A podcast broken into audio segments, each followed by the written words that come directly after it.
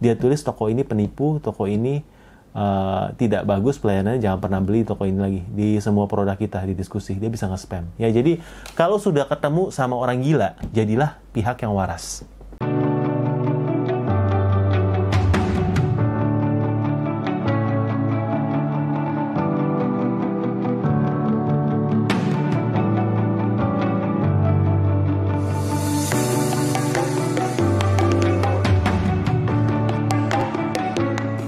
Halo Botakers, kembali lagi bersama host kamu Om Botak di channel Cerita Om Botak.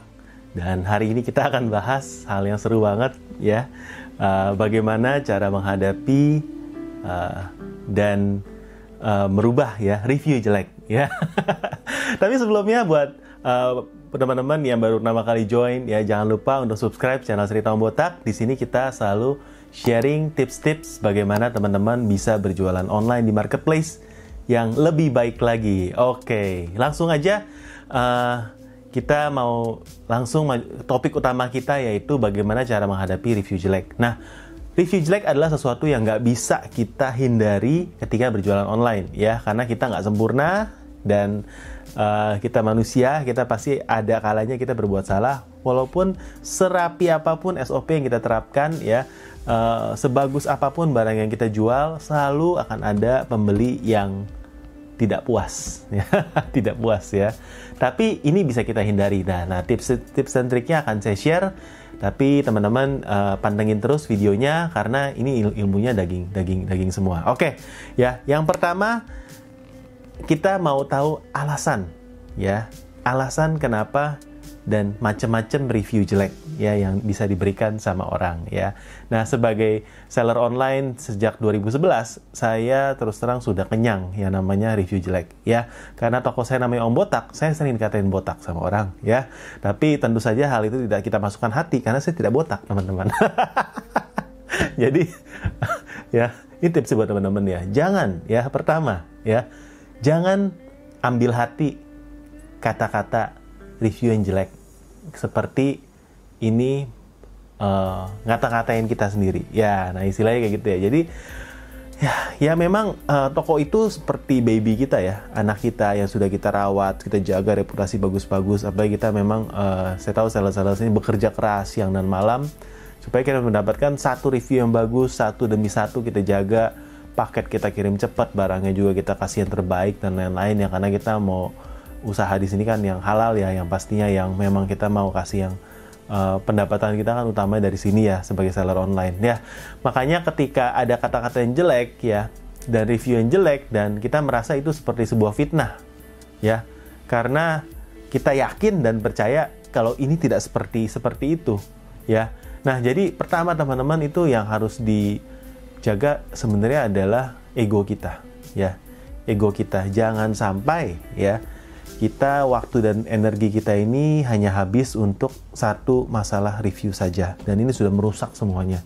Ya karena sering kali saya melihat seller itu banyak sekali yang uh, marah panas dan juga sakit hati hanya karena satu review jelek saja. Ya ketahui ya sebenarnya sebelum berjualan masalah ini akan ada. Dan kalaupun terjadi ini harus kita hadapi ya.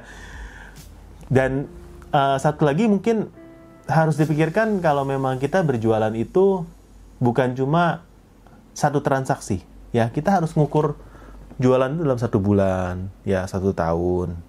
Ya masa kita kirim seribu semuanya bagus semua kan ya. Uh, saya rasa sih pasti ada yang nggak nggak sempurna lah ya beberapa ya. Jadi anggaplah ini sudah resiko ya. Jangan sampai kita ngotot ya. Kalau misalnya masuk ke pusat resolusi ke pusat bantuan kita sudah kirim yang sesuai ya barangnya kita bilang nggak bisa diretur eh ini ngotot bilang. Nggak sesuai gambar mau retur ya dan lain-lain. Akhirnya kita berantem di pusat uh, diskusi ya uh, berantem dan akhirnya itu menghabiskan energi kita dan juga uh, merusak ya. Karena itu sudah serba-serba serba salah ya. Kalau kita uh, dia kita menang ya kalau kita menang berarti membelinya kan dapat barangnya ya pembeli itu bisa review jelek di produk kita. Ya kan? Karena dia dia terima barangnya. Ya, beberapa marketplace sebenarnya kalau udah masuk pusat resolusi udah nggak boleh review. Ya, itu itu sebenarnya cukup baik ya. Tapi kalau yang memang masih bisa, dia bisa review jelek. Ya, belum lagi kalau dia itu dendam sama kita. Ya, kita di posisi sebagai seller itu sulit. Dia kalau dendam, dia bisa beli berkali-kali di tempat kita juga dan kasih review yang jelek berikut.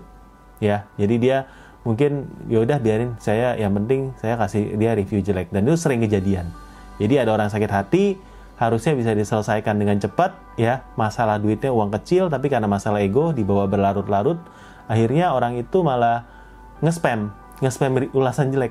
Dia beli kayak uh, kalau di Shopee kan misalnya dia beli 10 produk di tempat kita, dia bisa kasih 10 ulasan jelek.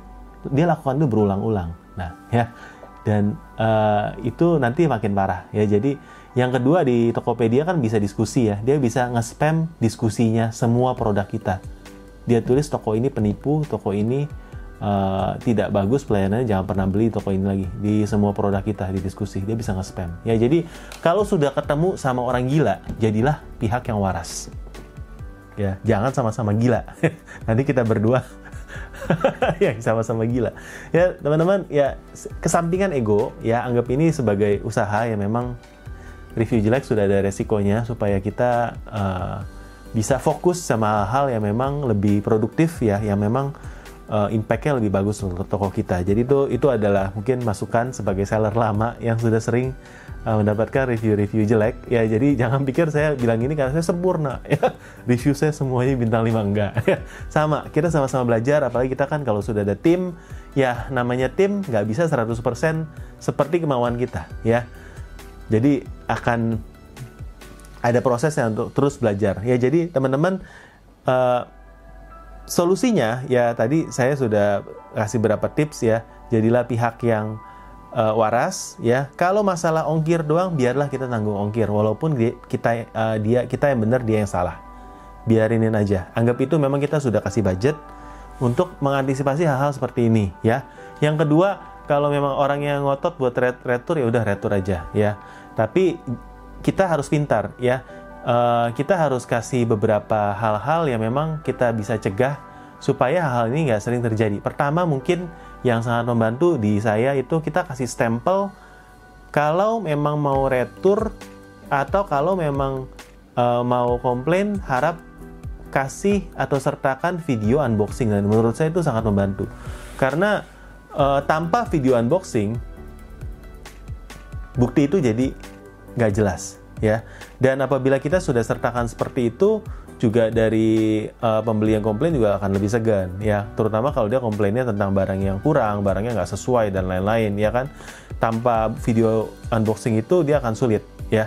Jadi saya rasa setelah itu pun uh, komplainan kita juga berkurang ya. Karena kita ada menyertakan hal seperti itu ya. Jadi teman-teman yang belum mungkin bisa jadikan ini sebuah masukan ya teman-teman bisa bisa pasang ini di dalam kasih kertas atau mungkin bisa beli stempel ya bisa stempel cap itu di alamat ya. Uh, saya rasa itu akan sangat membantu untuk mengurangi uh, komplain-komplainan yang masuk. Tapi apabila ada pun kita harus selesaikan itu dengan cepat ya.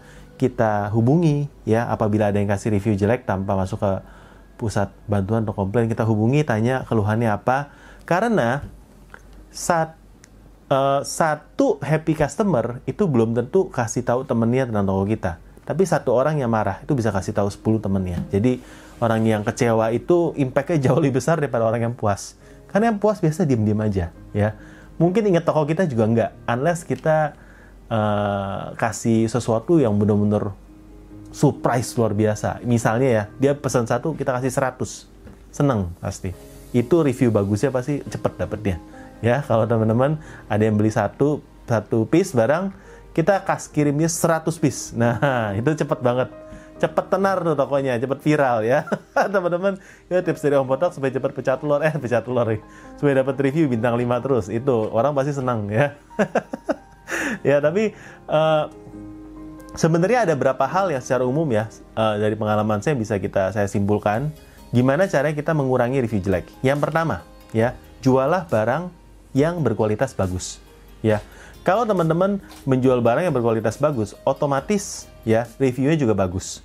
Kalau teman-teman berjualan barang yang berkualitas jelek, otomatis reviewnya lebih uh, akan lebih besar kemungkinan lebih jelek. Iya, memang kalau kita jualan barang murah yang sesuai harga, orang harusnya paham, ya.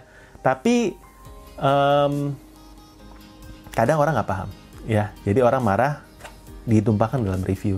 Jadi kalau teman-teman mau aman, jualah barang yang kualitasnya bagus. Yang kedua, jualah barang atau produk yang sesuai dengan foto yang ditampilkan ya. Jangan asal ambil comot foto yang hasil uh, asal ambil dari Google dari toko lain kalau yang kita jual tuh beda ya. Dari mereknya warnanya ya. Bahkan warna udah kita foto sendiri pun masih ada yang komplain.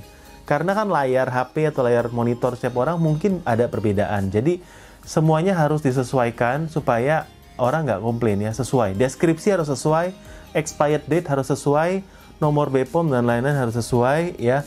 Dan e, cara pakainya pun harus disertakan yang mudah ya. Dan ketika kita mengirim barang-barang yang e, dia beli beberapa barang itu juga kita biasanya harus cek dan recheck ya.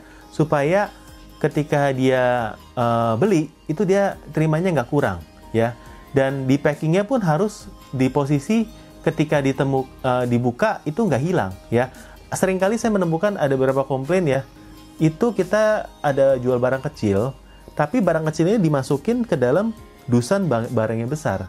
Jadi orangnya belum ngecek komplain. Kenapa? Karena dibuka nggak kelihatan, ya. Ada di dalam dus barang yang besar. Nah ini hati-hati ya, cara kita packing pun ini juga mempengaruhi uh, orang komplain atau enggak. Karena kalau dibuka first impressionnya itu nggak kelihatan, itu kemungkinan besar akan dikomplain. Ya, jadi teman-teman harus kalau mau melakukan itu di message dulu atau ditulis atau baiknya barang kecilnya ditempel di luar jadi kelihatan ya. Berikutnya kita harus kirim barangnya secepat kilat. Ya, teman-teman tahu kalau kilat itu uh, seberapa cepat kecepatannya. Kan cepat banget kan ya. jadi harus cepat kelihatan ya kalau ingat film The Flash ya kira-kira kayak gitu ya The Flash ya maksudnya. Jadi cepat kirimnya ya kalau bisa kalau bisa ya teman-teman ya yang bisa bikin orang happy dia belum pesen kita udah kirim. Nah happy bener dia ya. Dia belum sempat mikirnya mau beli udah langsung ada barangnya di depan. Nah itu orang happy. Nah gimana caranya bisa seperti itu? Saya belum bisa ya. Teman-teman kalau bisa tolong ajarin saya ya saya mau belajar. Nah ya jadi uh, secepat mungkin ya tapi ya masih dalam batas kewajaran ya karena memang uh, banyak orang stres ya pembeli juga banyak yang stres. Karena mereka stres mereka belanja online. Nah itu sebabnya ya kenapa banyak orang stres di toko kita? Karena mereka stres mereka belanja online. Kalau nggak stres nggak belanja. Nah kamu pilih mana ya? Saya kalau gitu nggak apa-apa kasih saya apa? Kalau ada pepatah berikan saya seribu pemuda ya misalnya. Kasih saya seribu orang stres karena mereka akan belanja online. Ya. Jadi uh, saya rasa ini memang suatu ya memang gini ya. Orang-orang pandemi gini stres. Mereka stres tuh belanja ya. Paling denger paling demen tuh orang-orang tuh denger bunyi paket ya di pintu karena mereka stres ya. Ya. Udah mereka stres mereka belanja yang dikirim nggak nggak nggak sama sama yang mereka beli. Ya marah mereka. Maki-maki kamu kan. Udah stres, ini kan ceritanya beli barang tuh supaya mereka nggak stres lagi ya. Eh dikirim nggak sesuai, jumlahnya uh, kurang ya kan. Paket yang diterima rusak. Nah ini berarti nextnya packaging ya. Paket itu dikirim, packingnya itu harus safe ya. Safe tapi juga smart. Jangan sampai kita kirim barang kecil, packingnya pakai satu dus Indomie nanti kena volume. Nah ini uh, kurang smart karena nanti kita kena kena uh, ongkir ya. Jadi kita harus kirimnya itu harus smart. Packing jangan sampai ekstrim juga yang menyusahkan orang yang mau beli ya. Orang beli barang kecil, kamu packingnya sampai lima kali pakai lima dus yang berbeda. Ya, ada dus kecil, dus yang gede, dus yang sedang lagi, dus yang gede lagi. Ya, kayak buka mystery box. Eh jangan, itu bikin kesel orang juga ya packingnya yang mudah dibuka tapi safe sampai sana ya. Jadi dengan seperti itu nanti uh, reviewnya akan bagus. Apalagi kalau kamu kasih review uh, packagingnya yang menarik ya, yang uh, bisa mendapatkan review-review viral di TikTok karena packingnya lucu dan ada sentuhan memo uh, personal ditulis tangan thank you ada belanja di toko kami ya dikasih voucher, dikasih gift-gift kecil ya tentunya orang akan senang ya. Nah jadi demikian adalah tips uh, dari Om Botak ya buat teman-teman yang baru saja mungkin mendapatkan review jelek ya. Yang penting kita harus waras, jadilah pihak yang waras ya. Uh, dan kita harus pikir kalau misal transaksinya bukan cuma satu ini, tapi kita jualan itu kan maunya lama, maunya panjang kan. Kita harus menjaga nama baik toko kita. Ya, biarlah orang stres datang silih berganti, tapi kita tetap waras ya. Kita tetap memperbaiki toko karena mungkin saja ya review itu benar. Ya review itu memang benar memang kita salah. Ada bagian hal-hal yang harus kita improve. Ya kalau seperti itu minta maaf. Kasih dia voucher perminta maaf. Kasih dia uh, free gift atau apa pun yang membuat dia akhirnya dari tadinya seorang komplain yang keras karena ditanggapi dengan baik akhirnya jadi loyal customer nah ini kita mau turn uh, merubah pembeli yang nggak puas akhirnya jadi seorang loyalis toko kita. Dan itu harapan kita.